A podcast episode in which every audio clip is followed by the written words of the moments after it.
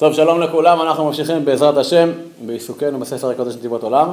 אחרי ששני השיעורים, הקדשנו שני שיעורים לנתיב התורה, אז נעבור היום לעסוק בנתיב השני, שהוא בעצם הנתיב הראשון.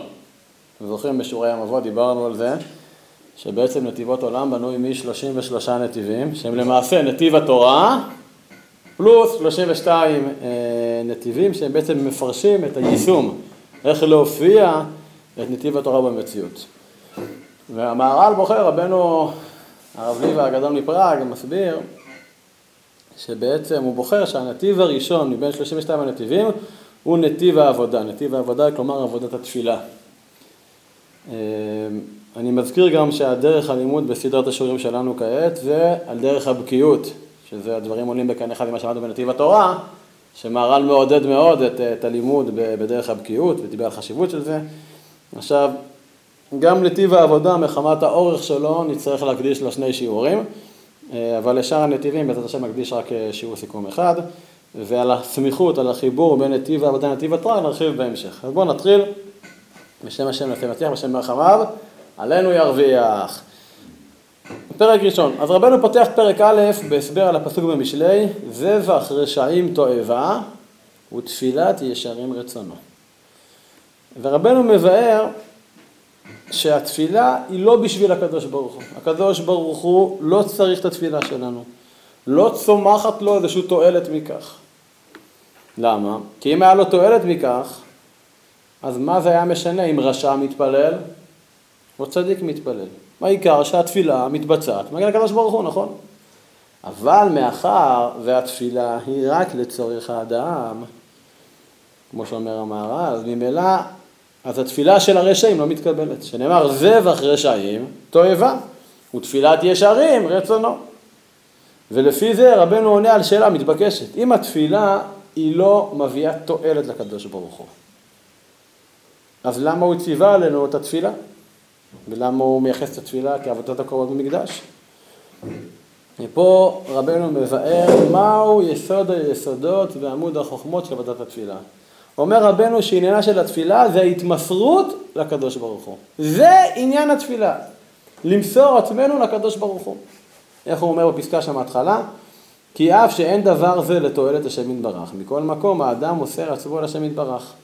ואף אם אין מוסר נפשו אליו רק ממון שלו, שמקריב אליו קורבן, מכל מקום גם זה נקרא שמוסר עצמו לשם יתברך, כאשר מקריב אליו ממון שלו. ואז על ידי הבאת הקורבן זה מראה שהוא העבד של הקדוש ברוך הוא, והרי מה שיש לעבד, קנה רבו, נכון? מוסיף רבנו לבאר שאין לך עבודה יותר מזה. כלומר, אומר המהר"ל שהתפילה זה העבודה הגדולה ביותר ביחס לקדוש ברוך הוא.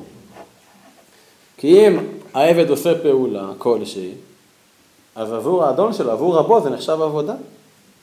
אז על אחת כמה וכמה כל שכן, כאשר העבד מוסר את כל כולו לרבו, זה מעיד כמה הוא קנוי, כמה הוא מוסר עצמו לאדונו.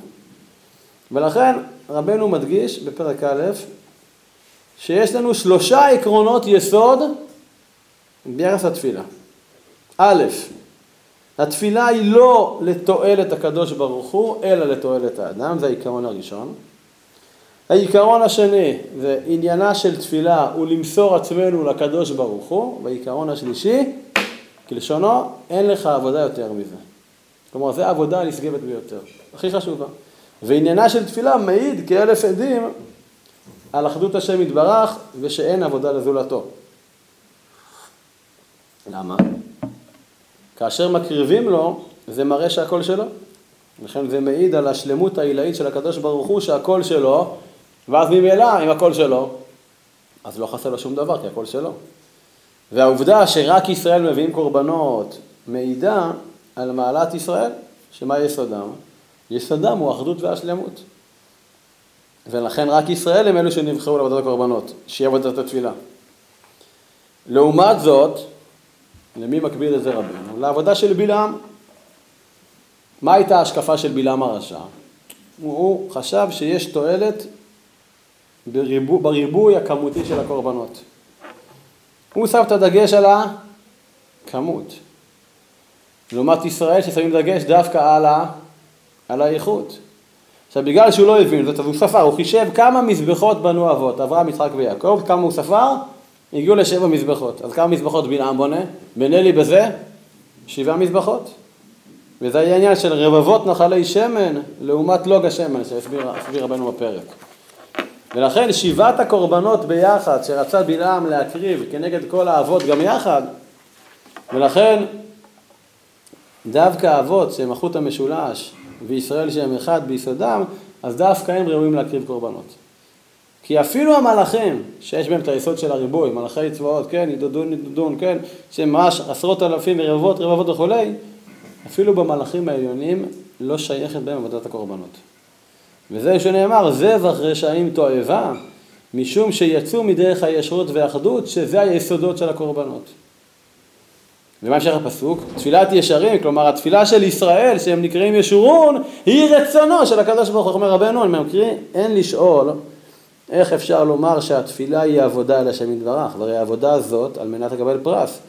ואם כן, למה נקראת התפילה עבודה? שכן, שכבר אמרנו כי כל עניין העבודה מורה שהכל נקנה על השם יתברך, והוא שלו.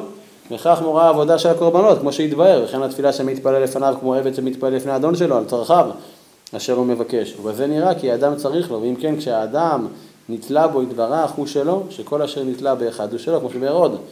ונוכח התפילה היא עבודה גמורה שמורה שהאדם נתלה בו יתברך ונוכח הוא שלו. ומאחר והתפילה מראה שהכל קנוי לקדוש ברוך הוא, וכך אנחנו בטלים, מתבטלים עליו, מוסרים נפשנו אליו, כמו עבד אל אדונו, לכן אמרו מסכת אבות, שאחד משלושה הדברים שהעולם עומד עליהם זה על התורה ועל העבודה. עבודה זו תפילה. כי אם לא הייתה עבודת התפילה, מסביר רבנו, אז היה נראה כאילו אדם הוא לעצמו, כאילו אדם הוא בפני עצמו. אבל בזה שהוא מתפלל, שהוא מראה שהוא של הקדוש ברוך הוא, ואליו הוא מוסר נפשו בתפילה, זה מראה שהעולם של הקדוש ברוך הוא, ולכן דווקא העולם עומד על העבודה הזו של תפילה. כלומר העבודה שמנכיחה את הקדוש ברוך הוא שהוא קיים במציאות, שהמציאות קיימת רק על פי הקדוש ברוך הוא. ולכן דווקא העולם עומד על העבודה הזו תפילה. ולכן דווקא העולם עומד על העבודה כי התפילה, העבודה שזה התפילה, דווקא היא החוליה המקשרת, היא החוליה המחברת בין הקדוש ברוך הוא לבין האדם. וכל הקיום של הנפש זה רק בעמידה בתפן הקדוש ברוך הוא. אנחנו אומרים? נפש כי תקריב. תגידו רגע, מה עם התורה? מסביר רבנו, התורה, כמו שלמדנו, זה קיום האדם מצד השכל העליון. מצד השכל העליון נבדל. כלומר, אומר רבנו בסוף פרק א', התורה זה קיום האדם מצד השכל. אבל העבודה הזאת, תפילה, זה קיום האדם מצד הנפש. מה שם, גמילות חסדים, נכון? תורה, עבודה, גמילות חסדים. גמילות חסדים אומר רבנו ש, שבה האדם בעצם מדמה לקדוש ברוך הוא מצד המידות. אז, אז זה קיום מצד הגוף. כלומר, התורה זה מצד השכל, התפילה, העבודה זה מצד הנפש, וגמילות חסדים זה מצד הגוף. ולכן דווקא אחרי נתיב התורה, מה בא? נתיב העבודה, ואחרי נתיב העבודה, תבדקו בספר, איזה נתיב מגיע אחרי נתיב העבודה. כן, תעברו את פרק 19. נתיב גמילות חסדים. תורה, עבודה, גמילות חסדים. מסיים רבנו את הפרק במילים, במילים האחרונות של הפרק, ומפני כי בטל בית מקדשנו ותפארתנו, ונתלה עבודה ואין לנו בעוונותינו לא זבח ולא מנחה, רק העבודה שהיא בלב. יש לבאר עניין העבודה, מה שנמצא בגמרא, לנו חכמים על זה, וכמה גדול מעלת העבודה הזאת, אבל נמשך ממנו. אפשר לומר שהעבודה מלשון עבדות. כן, נכון, עבודה מלשון עבדות, שהעבדות באה לידי ביטוי בתפילה. דיוק יפה מאוד.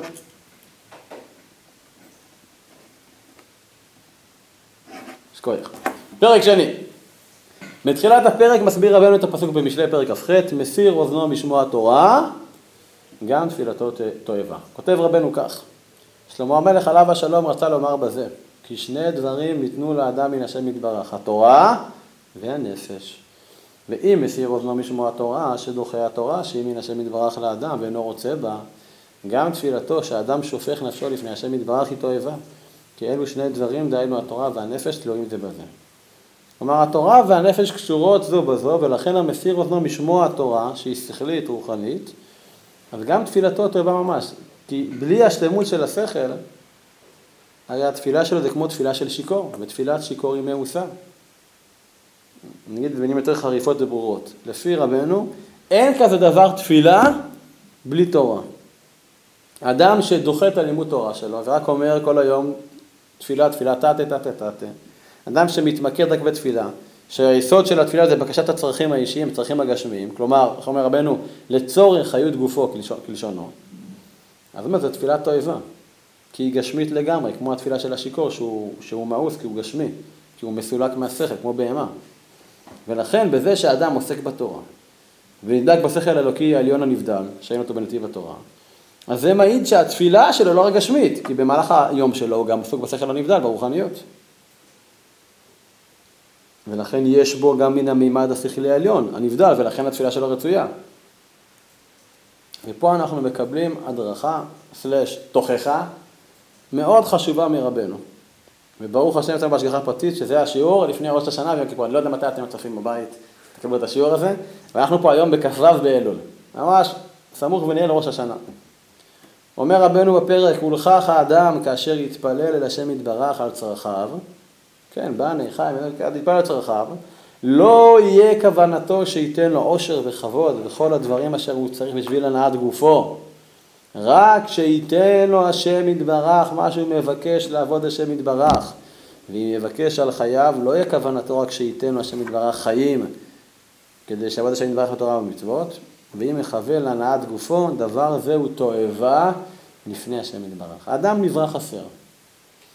ובתפילה הוא מבקש ממקור השלמות, שישלים אותו. ולכן התפילה היא דווקא בדיבור, כי הדיבור זה המהות הפנימית של האדם. ורק על ידי בקשת השלמת החוסר באמצעות דיבור, האדם נעשה כלי, כלי קיבול לקבל את ההשלמה. ולכן, מי שלא מתפלל, אז איך הוא ימלא את החסרונות שלו, את הצרכים שלו? ופה מסייג רבנו עם זאת, שהתפילה צריכים שהיא תהיה בדיבור, אבל היא לא צריכה להיות בצעקות בקול רם. כי אם הוא צועק, הוא מתפלל בקול רם, אז הוא מקטנה אמונה, אפילו כמו נביא שקר. למה? בגלל שהתפילה והאמונה שהתמונות בה, האמונה שטמונה בתפילה, הן מגיעות עד רום המעלה העליונה, המעלה הנסתרת ביותר. ולכן הקול הגלוי, הגשמי, הוא פסול בתפילה. למה? שהרי היסוד של התפילה זה תמיר ונעלם. כמו שלמדנו בתפילתה של חנה, פה הכוונה למניח תפילת העמידה, בני 18, כן? אמרתי בשטיבח של קרלין, שם צועקים כל התפילה, אבל ל-18 בשקט, נכון? ורבנו מסיים את הפרק בקביעה שמי שיודע לפני מי הוא מתפלל, ועד היכן כוחה של תפילה מגיע, אז בכך הרי הוא זוכה לחיי העולם הבא. עד כאן פרק שני. וכעת נעבור לפרק השלישי. רבנו פותח את הפרק בקביעה שהעבודה שיש לישראל בגלות בהיעדר בית המקדש זה התפילה. אבל בשונה מהמקדש, עבודת התפילה, העבודה הזו היא בכל מקום ספר החינוך ונוהגת מצווה זו בכל מקום ובכל זמן בזכיר ובנקבות. ופה רבנו מדייק שדווקא עבודת התפילה היא העבודה, ולא, העיקר זה לא היראה לפחד מהשם יתברך. איך אומר פה, לפיכך התפילה היא העבודה אל השם יתברך, ולא היראה מן השם יתברך. שאין זה נקרא עבודה, כי אין זה מורה שאדם נתלה בו יתברך, אבל התפילה מורה שאדם נתלה בו יתברך, והוא יתברך הכל, ברוך הוא, וברוך שמו על הכל. שכל עניין התפילה שהוא מתפלל לשם יתברך לפי שהוא צריך אל השם יתברך נתלה בו יתברך. ואין קיום לו בעצמו כי אם בו יתברך, ולכך מתפלל אליו על כל צורכו. וכאשר אדם נתלה בו יתברך, כאילו הוא נקרב אליו שכל אשר הוא תולה באחר, הוא נקרא ונמסר אליו, ולפיכך התפילה היא עבודה גמורה לשם יתברך. ועכשיו רבנו מבאר למה יש צורך דווקא בשלוש תפילות. והעניין הוא שראוי לשעבד עצמנו לקדוש ברוך הוא בגוף, נפש וממון. מסביר רבנו, תפילת שחרית מורה על שעבוד הגוף. למה? מה עושה לפני שחרית? קמים. קמים בבוקר, נכון? ולהתגבר על השנה, לשנת שחרית שעניין זה הגוף, זה קשה. לכן תפילת שחרית מורה על שעבוד הגוף. תפילת מנחה מורה על שעבוד הממון. למה? טוב, זה קל, נכון? הוא בעיצומו של יום המסחר, עוצר הכל ו... טרוד בעסקיו, אשר שביתך עודה לו רסל, נכון? בלי חוכמות. ותפילת מעריב, שהיא בשעה שכבר הנפש זקוקה למנוחה, זה מעיד על שיעבוד הנפש. ויחד זה שיעבוד כל חלקי האדם, נכון? גם שיעבוד הגוף, גם שיעבוד הממון וגם שיעבוד הנפש.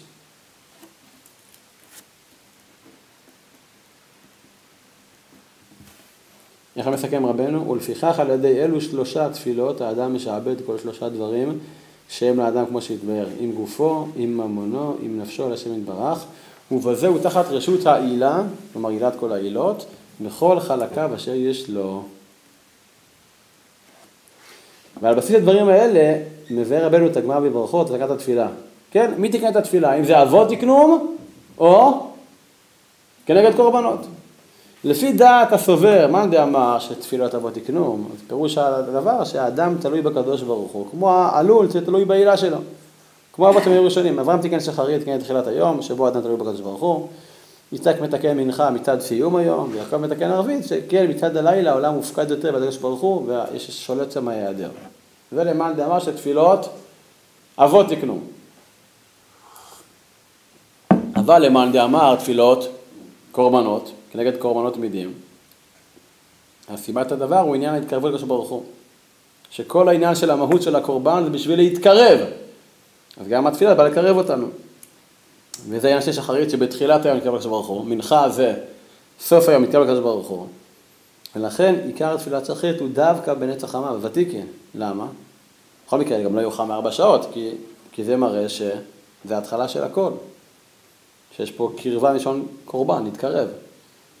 לעומת זאת, עיקר תפילת מנחה הוא סמוך לשקיעה, יראה לכם שמש. אבל יש לך אישינן, נשמה יפספס, אז כבר התירו לנו כבר קצת אחרי צהריים, משש וחצי שעות, להתפלל מנחה. אז הסברנו מה מנחה ומה שחרית, מה עם ערבית. אומר רבנו שהעניין של תפילת ערבית שבלילה, שהוא לא, זה לא מציאות כמו ביום. אבל גם בלילה, גם בחושך צריך להתקרב לקדוש ברוך הוא. אומר רבנו, בשביל שהאדם נברא לעבוד השם יתברך, ראוי שתהיה התפילה טרף ומיד שעומד במיטתו, ולא יפנה אל דברים אחרים בינתיים. כי האדם כשהוא עומד במיטתו כאילו החזיר השם יתברך רוחו בקרבו כמו שתקנו בברכת המחזיר נשמות וגרים מתים. ולפיכך התפילה יותר ראוי שתהיה מיד. קמת ישר תתפלל. לא ארוחת בוקר, לא קפה, לא, ישר תתפלל, דבר ראשון. ולפי זה, בגלל שעיקר עניינו של אדם זה עבודת השם, זה התפילה, לכן אמרו לאבא בנימין, שהוא היה משתדל תמיד להתפלל איך שהוא קם בבוקר, נכון? בגלל שעיקר עבודת השם זה עיקר המגמה של האדם, ואין עבודה לתפילה ואין לך עבודה למעלה מזה. עד כאן פרק שלישי, פרק רביעי עוסק, נמשיך פרק רביעי. שבגלל החשיבות של התפילה, אז היא צריכה להיות שלמה. והכוונה שהתפילה לא צריכה להיות מקרית. מה זה תפילה מקרית? ופה רבנו מסביר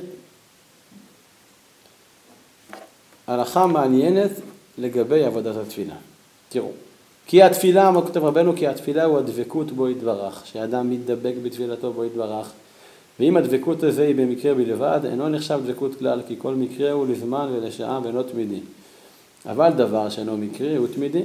לכך ראוי שיהיה הדבקות הזה שלא במקרה כלל. ועל זה באה האזהרה שיקבע מקום לתפילתו, בעניין קביעות המקום לתפילה מפני כי קביעות המקום מורה שאין התפילה שלו במקרה, כי המקרה אינו קביעות. ואם יושב פעם אחת במקום זה ופעם במקום אחר, הדבר הזה אינו קביעות כלל ואין זה דבקות בעצם, רק מקרה קרה. כלומר, קביעות מקום בתפילה זה מורה על הדבקות, על דבקות מלאה בקדוש ברוך הוא. ודבקות זו מביאה להשארת השכינה עליו ולקביעותו בקדוש ברוך הוא שהוא מקומו של עולם.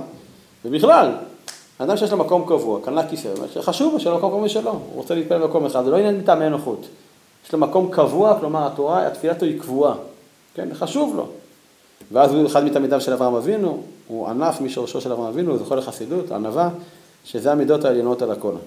עכשיו, מעלתו של אברהם אבינו, עליו השלום, אבי האומה, אברהם אבינו, בזה שהוא קבע מקום לתפילתו, איפה זה בא לידי ביטוי? כי בכך הוא זכה שהדבקות שלו, הקדוש ברוך הוא, לא הייתה מקרית, מזדמנת, אלא קבועה. זה לא הולך בדרך, פתאום מתנבא, בא הקדוש ברוך הוא. לא, מתי שהוא רצה, הרים אנטנה, הקדוש ברוך הוא מהכל דיבר איתו ישירות. ולכן אצל אבינו, שראש לכל המאמינים, קביעת המקום, כלומר הדבקות הקבועה והתמידית, הייתה חשובה לאין ארוך. כי הוא ראשון וממנו הכל נמשך הלאה. אז אמרנו שלפי רבנו המהר"ל קביעת המקום במשמעה דבקות בקדוש ברוך הוא. כלומר זה כמו שאני נוטע שורש חזק, שכל האילן וכל הפירות לסוף כל הדורות, הדורות העתידיים, הם נסמכים על השורש הזה, עליו ומכוחו. ממילא הקדוש ברוך הוא עוזר לו, ואז אויביו נופלים תחתיו, שהרי הוא קבוע במקומו. מה שקבוע, אחרי לאכול את זה, אין לו שליטה עליו. ולכן אויביו נפלו לרגליו ולא הייתה להם שליטה עליו. כי מי שדבק בקדוש ברוך הוא, אז הוא איתו לגמרי מקור השלמות, והעניינים החסרים לא יכולים לפגוע בו. עד כאן פרק רביעי. וכעת נעבור לפרק החמישי. הגמרא בברכות דף ח' אומרת, לעולם ייכנס אדם שני פתחים ויתפלל.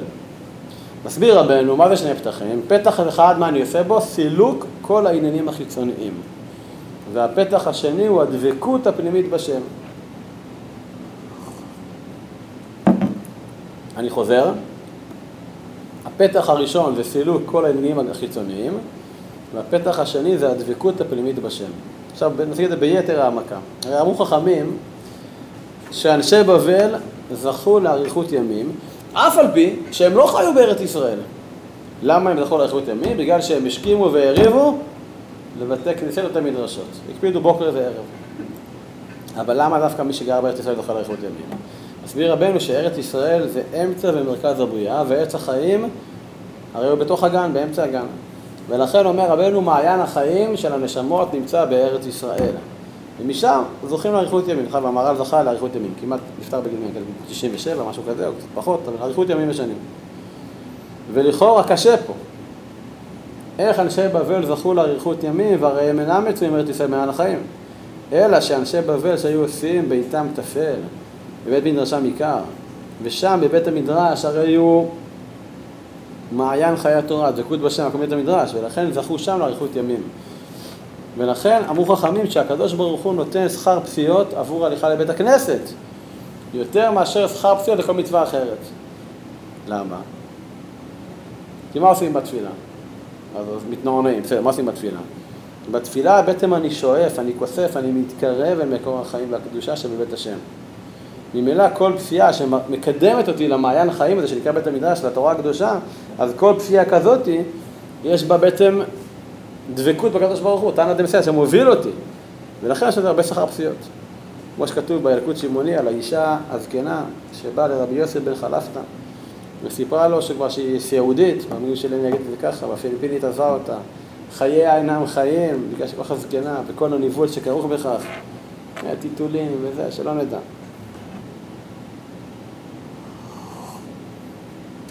שאל אותה רבי יוסי, במה זכית לאריכות ימים?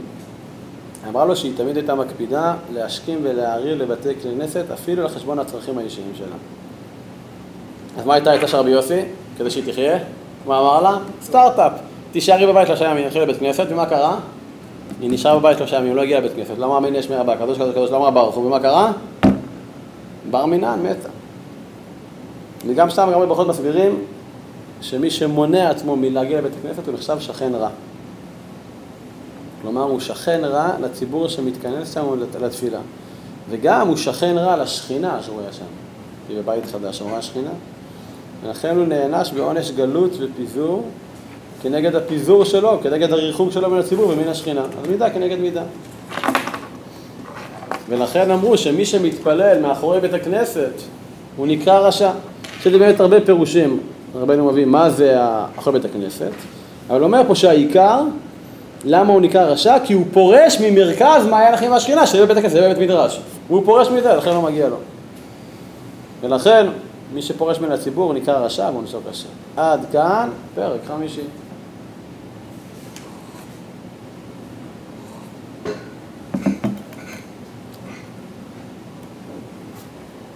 אתם רואים שהפרקים יותר תמציתיים, יותר פשוטים, אה, ואני פחות ופחות מקריא כדי שכבר תתרגל לעניין הסיכומי. פרק שישי. רבנו מסביר שעיקרה של התפילה, כמו שראינו בפרק א', זה הדגשת התלות של האדם בקדוש ברוך הוא, ההתמסרות אליו. ולכן נפקא מינה להלכה שאדם בזמן שהוא מתפלל לא יעמוד במקום גבוה ויתפלל כי הגובה של המקום שהוא מתפלל בו מכניס תנועת גאווה בלב של המתפלל ואמרנו שעיקר עניינה של התפילה זה ההכנעה, זה הכפיפות, כי אני בפתח, זה הבסיס לתפילה. ולכן גם אמרו שלא רק שלנו במקום גבוה, אלא יש לכוון רגליו יחד של התפילה ולכוון את ידיו. כן, רגליים ישרות, אה, ידיים שלובות, זה כדי להבליט את התלות המוחלטת של האדם בשם, שאין לו הליכה ועשייה מעצמו, והוא לא יכול להגיע לאן שרוצה. אפילו, אפילו הידיים המכוונות ככה, כן, מראות שהוא לא יכול לעשות שום פעולה. כלומר, שאדם יכיר שהוא מתפלל, דלת לא מגרם כלום, אין לו מעצמו שום דבר. אלא הוא תלוי לחלוטין בעילת כל העילות וסביבת כל הסיבות. עד כדי כך. אבל, אומר רבנו שבירושלמי נתנו שתי סיבות לדבר, למה צריך רגליים ישרות וידיים משולבות. מה הם שתי השיטות בירושלמי? למה צריך רגליים ישרות? כי צריך להידמות למלאכים או להידמות לכהנים שהם היו הולכים בעבודה שלהם עקב בצד אגודל. עכשיו, לדעה הראשונה, באמת מכוון, שעיקר התפילה הוא במחשבה, והכל טוב ויפה. ולכן צריך להידמות למלאכים שעניינם הוא השכל ומתבטאים כלפי כיסא הכבוד, ורגליהם רגל ישרה בלי התפשטות ויציאה מן העילה והמסגרת האלוקית. אבל הדעה השנייה, מסבירים שהאדם הוא לא מסוגל באמת להידמות למלאכים. למה? בגלל שהוא גשמי, הוא נברא. אז מה ניתן לעשות? ניתן להידמות לכהנים. הכהנים שנזהרים מגילוי ערווה שבהליכה גסה, בשעת העבודה, כבוד הגדול, שלא רואים את, ה, את המקומות המוצנעים יותר. והתוכן של ההליכה, הליכה של עקבת הגדול, זו הליכה שהיא באה למנוע גילוי ערווה. כלומר, הוא מביע את ההכנעה של לפני הקדוש ברוך הוא בזה שהוא לא רוצה לגלות ערווה. הוא לא יכול לארץ כבודו. ולכן אמרו בגמרא ביבמות, כי המתפלל צריך שייתן עיניו למטה וליבו, ליבו למעלה. עיניו למטה זה מדגיש את העבדות, את הכניעה כלפי הקדוש ברוך הוא. וליבו למעלה מתוך שאיפה להתעלות ודבקות. לכן גם ראינו גם בגמרא בסנהדרין, המתפלל צריך שיראה עצמו כאילו שכינה כנגדו. עד כדי כך. כלומר, מה זה למעשה? יש פה בחינת משפיע ומקבל, זכר ונקבה. משפיע את הקדוש ברוך הוא, המקבל זה אנחנו, הנקבה. יש פה בעצם הזדמנות לחיבור מלא בין האילן לבין העלול. ולכן, כדי להדגיש את ההתבדלות הזו, אמרו חז"ל שאדם שהוא מתפלל ישים עצמו כתפילה, בתפילתו כאילו הוא בשר, סטייק פילה, שמה יש לו בכלל? כלומר, מי שאין לו צורה ותוכן ומהות וכל כולו כבשר בעלמא, המנותק מהגוף. ולכן צריך גם שתהיה התפילה בלשון תחנונים. מה זה תחנונים? תחנונים מלשון חינם, כלומר שאדם מדגיש, שאדם מרגיש ויודע שמצד עצמו אכן לא מגיע לו הדבר שהוא רוצה, אבל הוא מבקש בכל זאת. לכן הוא מתחנן לגבי מתת חינם, ולזכות, על ידי מתת חינם, לזכות למציאות של חן. וצריך לדעת שזה שהעניין של לשון התפילה, שזה בדרך של תחנונים, זה אחד מעיקרי שלמות העבודה בתפילה. כך כותב רבנו מהר"ל. ולכן המעריך בתפילתו אין חוזרת ריקם. מסביר פה הרבן שלא תטעה, מה הכוונה? אין הכוונה לאותו בעל תפילה שהוא מושך ומעריך באמירת המינים שבתפילה וסתם מורח את הזמן. אלא מי הכוונה פה? למי שאדם שהוא מתפלל הרבה ואומר תפילות הרבה. אבל מי שמושך במילים, אמרו כי המעריך בתפילתו מעיין בה, סוף בא לידי כאב לב. ועוד מה שראינו שבעצם שעיון תפילה כזה נמנע בין הדברים שמזכירים עוונותיו של אדם, ולכן לא למרוח את התפילות. כן? יש פה שליח ציבור, להתפלל כמה שאתה בקצב הנורמלי, אבל לא למרוח. ועדיין צריך להתפלל.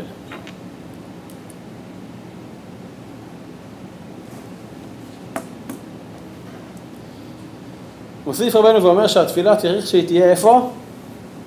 בבית כנסת. למה בית כנסת? כי זה מקום השראת השכינה. ואז בהיות האדם בבית הכנסת, האדם קרוב אל הקדוש ברוך הוא. ויש עניין גדול מאוד דווקא באמירה פסוקי דזמרה בכל יום, שיש בהם ט"ו שירי מעלות, כן, שירי הללויה, שהם בגימטריה, ט"ו בגימטריה, יודקה, שם מפורש. ואז גם בפסוקי דזמרה יש בהם הודעה, כאילו במזמורי הללויות, יש בהם הודעה שלמה על הפעולות המסודרות בעולם ובטבע, והם מורים על אמיתת שמו יתברך. ולכן, דוד המלך את כל המזמורים של, של בפסוקי דרך הוא חותם אותם, הללויה, מה זה הללויה? זה השבח השלם ביותר, הלל זה גימטריה אדנות, 65, י"ק, במקום הגבוה של ההוויה. ממשיך אותם מלמטה למעלה. בסוף, בסוף הפרק רבנו עובר לעסוק בביאור המזמור של אשרי, כן? אשרי יושב ביתך, עוד יעללו, תעשה לה, נכון? מה אומר רבנו? שבמזמור אשרי יושב ביתך יש שני עניינים. יש בו מתחת פותח את ידיך, שזה הפרנסה, החיים הגשמיים, כל העולם הזה, שכולם באים כמובן מיד השם. ולכן, זה מעלה אחת. מעלה שנייה, שיש במזמור הזה, שיש באשר ביתך, שהוא מסודר לפי א' ב', כן, יש בו אלפא ב', אני שומע בנו, שזה כ"ב אותיות הלשון הקודש, שהם במעלתם הגבוהה מגיעות עד לעולם הבא, וכבר הרחבנו על זה בשער איחוד ואמונה, פרק י"א וי"ב, מה מעלת האותיות, זה עשינו בזמן קיץ. עכשיו הצירוף של השניים, גם האלף ב' וגם העניין של, של להשליך על השם כל יאהבנו, עניין של פותח את ידיך שהחיים והפרנסה בידי הקדוש ברוך הוא, אז דווקא זה מביא אותנו לשלמות של, של המזמור אשרי, ולכן דווקא אומר אשרי, ולא הללויה, דווקא אומר אשרי, שלוש פעמים ביום, כנגד שלושת העולמות, בריאה, יצירה ועשייה, דווקא הוא בין העולם הבא. ורבנו מסיים את הפרק בהסברת הקשר הפנימי של ברכות קריאות שמע של שחרית, ומה יחסו, מה היחס בין מזמורי פסוקות וזמרה לקריאת שמע של שחרית. ועכשיו נתחיל בפרק שביעי, אחרי שהפרק השישי הסתיים בביאור הקשר הפנימי בין ברכות, קריאת שמע, עכשיו רבנו עוסק, עובר לעסוק בקריאת שמע. עניינה של קריאת שמע, אומר רבנו, זה ייחוד השם, ולכן צריך לייחדו יתברך בכל יום תמיד, פעמיים באהבה, גם בשחרית וגם בערבית. עכשיו בערבית זה זמן להיעדר הבריאה, כן, כל הברואים כמעט ישנים, ובשחרית הוא זמן קיום הנמצאים. אז אומר פה רבנו ששבע הברכות של קריאת שמע זה השלמות, כלומר מלשון שביעה, מבחינת שבע ביום ידלתיך. וכמו כן צריך להזכיר שמידת יום ולילה, מידת יום בלילה, מידת לילה ביום. כלומר להדגיש יום הזמן אחד. כלומר ללמוד תורה גם ביום וגם בלילה. ועוד, שאם לא היינו עושים כך, אז היה מקום לטענת הכופרים חס וחלילה חס ושלום, שיש בעצם רשות של אור, רשות של חושך, ביום עושים רק את העבודות של היום, בלילה של לילה לא, גם לערבב ביניהם, חשוב. ועכשיו בעצם כמעט עד סוף הפרק, והפרקים גם בפרקים הבאים, רבנו, רבנו עובר לעסוק בסדר הברכות. הוא מסביר את מה הסדר שלהם. קודם כל, הברכה לאור הטבעי, כן, זה יוצר אור באור חושך, ברוך אתה השם, יוצר המאורות. אחרי זה, יש לנו ברכה על התורה, כן, אהבת עולם, והערם תורתך, ודבק ליבנו במת, נכון וכולי, שהתורה היא כבר למעלה מעולם של האור הטבעי. ואחרי זה יש לנו מלכות שמיים שבקריאת שמע שזה למעלה מהתורה. ואחרי זה ברכת אמת ויציב שהעניינה זה הניסים והנפלאות שהם תוצאה מקבלת עול מלכות שמיים, בבית העמקות מסביר רבנו שיש שלוש הנהגות בעולם. נכון? זוכרים זה בפרק? יש לנו הנהגה טבעית, יש לנו הנהגה שכלית, ויש הנהגה שהיא למעלה מהטבע. אני חוזר, הנהגה טבעית, הנהגה שכלית והנהגה שלמעלה מהטבע, שזה גם נקרא הנהגה ניסית. כנגד ההנהגה הטבעית, תקנו את ברכת יוצר אור. כנגד ההנהגה השכלית, תקנו את ברכת אהבת עולם שיש בה התורה, שהיא השכל עלינו נבדל. ואחרי קבלת עול מלכות שמיים שבקריאת שמע, תקנו אמת ויציב, שהיא כנגד ההנהגה הניסית. כן, לא כולם מלמדים בניסים כמו רשב"י, שנגע זה בדף יומי בעזרת השם בגלל דף י"ז. ולכן בתפילת ערבית יש תוספת שאין אותה בשחרית. מה התוספת? בתפילת ערבית הוסיפו, כן, אחרי גאל ישראל ברכת הגאולה, מה הוסיפו? ברכת השכיבנו אבינו לשלום, נכון? אחרי, אחרי, אחרי גאל ישראל.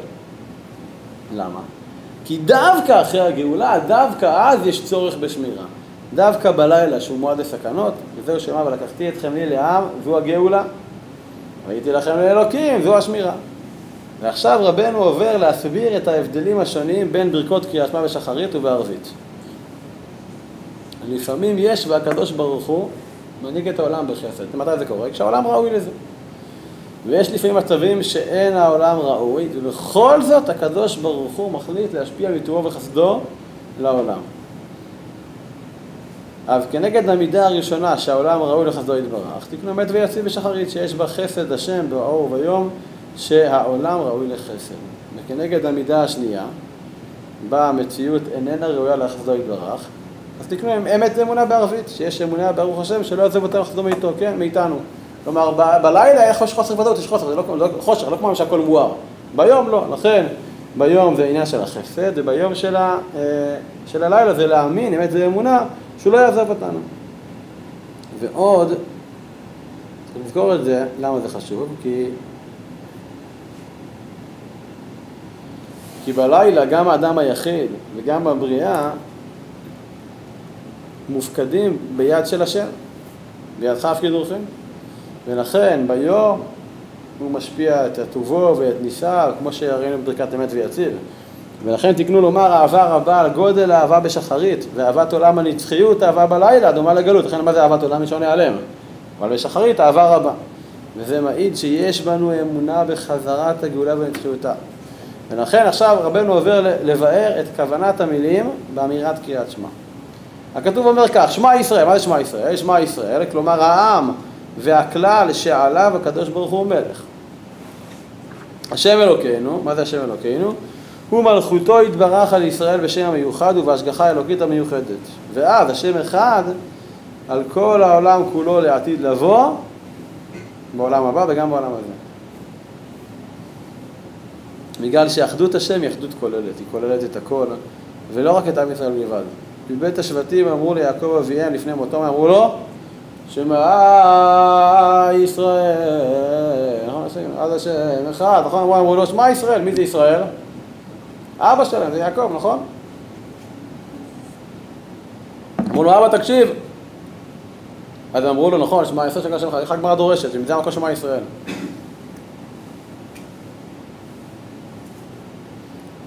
ולכן מבית השבטים אמרו ליעקב אביהם שמע ישראל. כלומר שאחדות השבטים ואומנות הייחוד שבליבם נובעת משלמות האמונה של יעקב דווקא.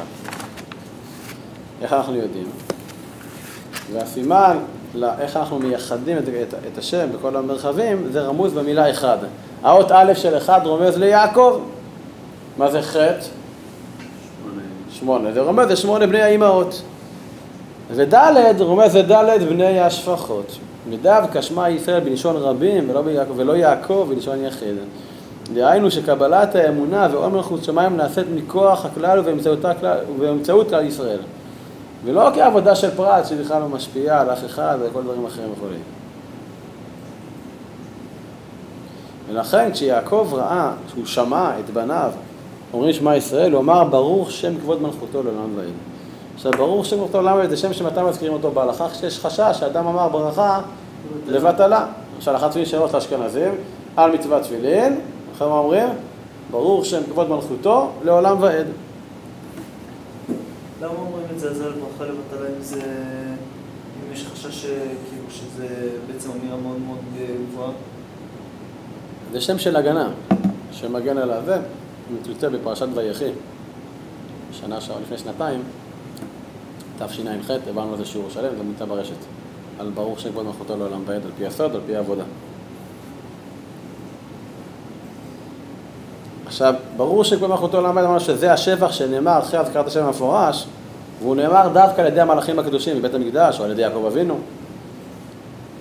וכך כותב רבנו בסיום, לקראת סוף פרק השביעי בנתיב העבודה.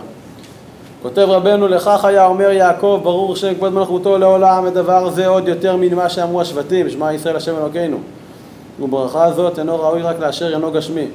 ויש לבאר השם כי השם הוא דבר שכלי לגמרי. וראוי הברכה אל העליונים אשר הם בלא גוף והם נבדלים וראוי להם ברכה, הברכה הזאת. וליעקב שהיה אחד מן האבות הקדושים, בפרט ליעקב אשר היה קדוש, ולכך במקום קדוש בבית המקדש עונים גם כן ברוך שם כבוד מלכותו. ומוכח יעקב שהיה הקדוש, ראוי לו, ראוי לו לומר ברוך שם כבוד מלכותו לעולם ועד, כאשר שמע מן בניו שמע ישראל, אדוני אלוהינו, אדוני אחד. ולכן אנחנו אומרים אותה בחשאי, כי הנשמה שלנו נשמה קדושה, היא מופשטת, היא נסתרת. והאותיות עין ודלת, שהן אותיות גדולות של שמע, עין גדולה, ואחד עם דלת גדולה מאוד, זה אותיות עד, כן? כי הם מעידים על אחדות השם. לכן ראינו גם שנה שעברה בשער איחוד באמונה, שכל סביבת אחדות השם נעוצה בשמע ישראל וברוך שם מלכותו לעולם ועד, מי שירצה יעיין באיגרת. סליחה, בשער איחוד באמונה, לאדמו"ר אמצעי, לאדמו"ר הזקן.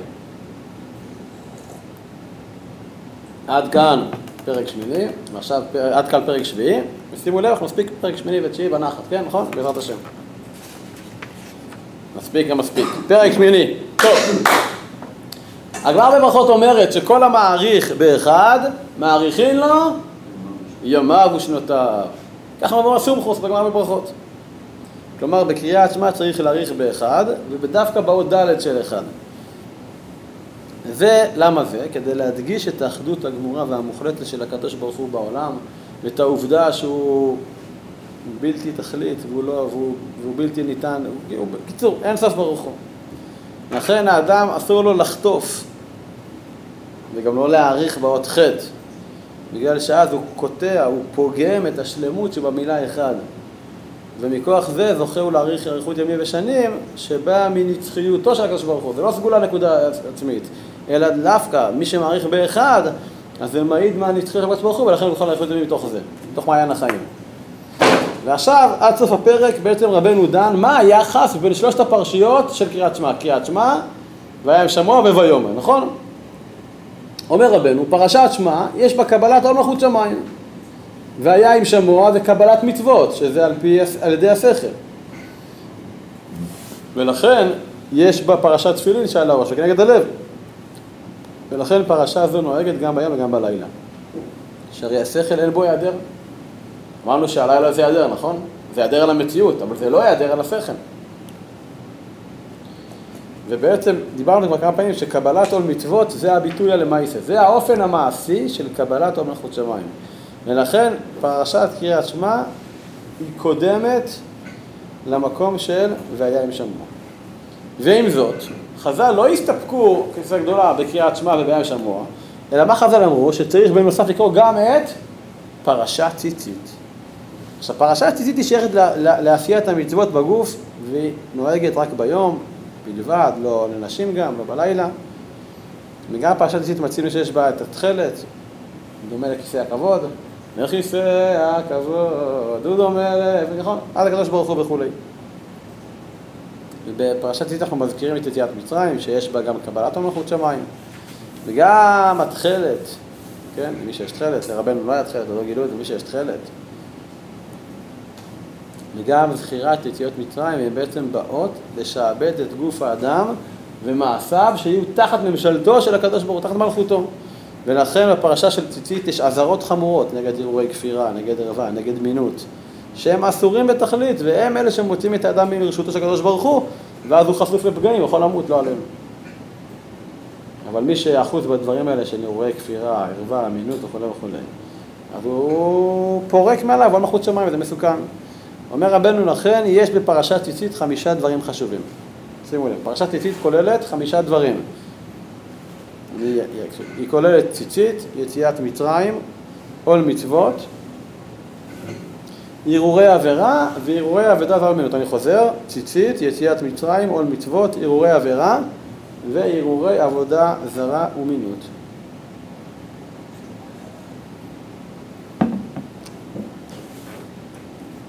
ונסכם את חמשת הדברים האלה בציצית, כפי שכותב רבנו בסוף הפרק, ולכך, על ידי אלו חמישה דברים, מורה שהוא עבד אליו. עד שבגופו הוא תחת השם יתברך ואינו יוצא מרשותו כלל. ואבן אלו ג' פרשיות קריאת שמע והיה עם שמוע של פרשת ציצית ותדע כי על ידם מקבל האדם מלכות שמיים בשלמות. עד כאן פרק שמיני. פרק תשיעי.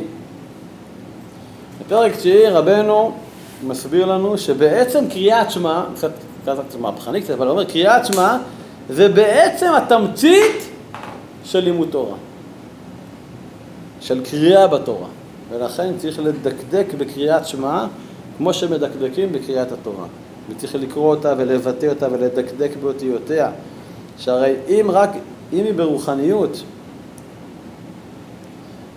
הקריאת שמע, האמונה, התפילה, התורה דוחה ומצננת את האש של הגיהנום שיסודו בחומר ובגשמי, בגשמי, שתפקיד הגיהנום זה לבטל את החומר והגשמי, אז קריאת שמע, מי שאומר קריאת שמע, אז כבר מבטל את זה, ולא צריך את הגיהנום. ולכן, עכשיו, בסיום, עד סיום הפרק, ונדע בפרקים הקודמים הבאים זה יותר מפותח בשיעור הבא, רבנו בוחר לעסוק ביחס והקשר בין קריאת שמע לתפילה. הרבה הרחיבו על זה, נגיד את זה בקצרה, קריאת שמע ותפילה הם אופן החיבור והדיבוק של האדם בקדוש ברוך הוא, שהוא משלים את חסרונו הגופני והנפשי. ואז מכוח הדבקות הזו בעולם הזה, הוא זוכה גם דבקות בעולם הזה וגם דבקות בעולם הבא, ביחד. ולכן קריאת שמע שיש בה קבלת שמע, עול מלכות שמיים, ת, אה, היא מצריכה, היא טעונה הנחת תפילין. לכן נאמר עליהם, וראו כל מה שנראה עליך, ויראו ממכה. וממילא אדם שקורא קריאת שמע בלי תפילין, הרי הוא כמעיד על החידוש מטבח, עדות שקר בעצמו. ועוד שהוא כקורבן בו נסכים, שהוא לוקה בחסר. ובגלל שיש כאן קבלת עול מלכות שמיים, האדם צריך להתפנות, ללכת לשירותים לפני התפילה. ובכלל, לסלק. לסלק את הפסולת מגופו ואיתו ידיו וזוהי טהרתו. ואז הוא יניח תפילין בבית ויקרא קריאת שמע בבית הכנסת. וזו קבלת מלכות שמיים שלמה. שהרי בקריאת שמע יש רמ"ח תיבות כלומר חבריו של אדם, זכו לשלמות. ואחרי קריאת שמע שיש בה קבלת גזירת המצוות, ואחרי קריאת שמע שיש בה מלכות שמיים, אז האדם מתפלל ויתלה את הקדוש ברוך הוא, שזה עניין של תפילה, להיות מסור, להתמסר לקדוש ברוך הוא, להיות לו עבד שקנוי לו. ולכן צריך להתפלל בתפילין, כן? כי גם התפילה וגם התפילין, השם שלהם זה אחד בארץ, כן? שהם החיות של האדם. יכול אומרת הגמרא בברכות, כל הנפנה ונוטל ידיו ומניח תפילין קריאת שמע ומתפלל מעלה כתוב כאילו בנה מזבח, שימו לב, והקריב עליו קורבן. מה אמרו חז"ל? שכל המניח תפילין, מעריך ימי, זה בגלל שמי שדבק בשם, אתם הדבקים בשם, ואתם הדבקים באדוני אלוהיכם, חיים כולכם היום, נכון? מה לכם כולכם? כי אתם דבקים בשם. וזה העניין של סמיכת גאולה לתפילה. מה זה סמיכת גאולה לתפילה? העניין של דבקות. שאחרי הדבקות שבתפילה, אחרי שניגע לאדם הראשון משלטון גורמים אחרים, והוא תחת השלטון של, של הקדוש ברוך הוא. לכן אמרו, כל הסומך גאולה לתפילה, אינו ניזק כל אותו יום, כי הוא בדבקות עם הקדוש ברוך הוא. אז מי שדבק לקדוש ברוך הוא, ממילא אין המזיקים יכולים לפגוע בו. אבל גאולה בלא תפילה ותפילה בלא גאולה אינן דבר שלם, והן לא יכולות להביא את האדם לידי דבקות. ופה עונה רבנו פה, דן פה עכשיו בסוף הפרק, בשלושה עניינים בתפילה. א', מלכות שמיים, ב', כפיפות האדם והקנייה של הקדוש ברוך הוא, וג', בקשת רחמים. עכשיו, לפי העניין הראשון, שזה קבלת עול מלכות שמיים, אז תקנו 18 ברכות בתפילה כנגד 18 אזכרות שם השם שבקריאת שמע, שכל התוכן של קריאת שמע זה מלכות שמיים, קבלת עול מלכות שמיים. אבל לפי העניין השני, שכל, עניין, שכל העניין זה בעצם קנייה בפני הקדוש ברוך הוא, אז הזכירו שיש י"ח אזכרות בקריאת שמע כנגד י"ח חוליות שבגוף שעניינן כפיפות האדם להשם. ולפי העניין השלישי, שזה בקשת רחמים, אז התפילה נתקנה כנגד ה-18 אזכרות שבזמור לדוד, של ממולדה, נכון? שהעניין של מזמור לדוד זה מידת הרחמים, שמגיעים אליה, לשכינה, על ידי, על, על ידי י"ח אזכרות וברכות. ולכן, בעזרת השם, בשיעור הבא אנחנו נמשיך את הפרק נתיב העבודה. ונראה מפרק העשירי עד סוף הפרק, פרק 19, מה בעזרת השם מתקדמים את התפילה, תפילת העמידה, שאר חלקיה, וכן הדרך. שיעורי בית, בעזרת השם בשבוע הבא, בשיעור הבא, נעסוק בפרקים מפרק עשירי עד פרק 19, שיהיה לכולנו שנה טובה, ויום מחתימה טובה, בשמחה של צדיקים גמורים, אוהבים ושמחים, ונזכה כאן לקדושה וטהרה, ברוך ה' לעולם, אמן ואמן.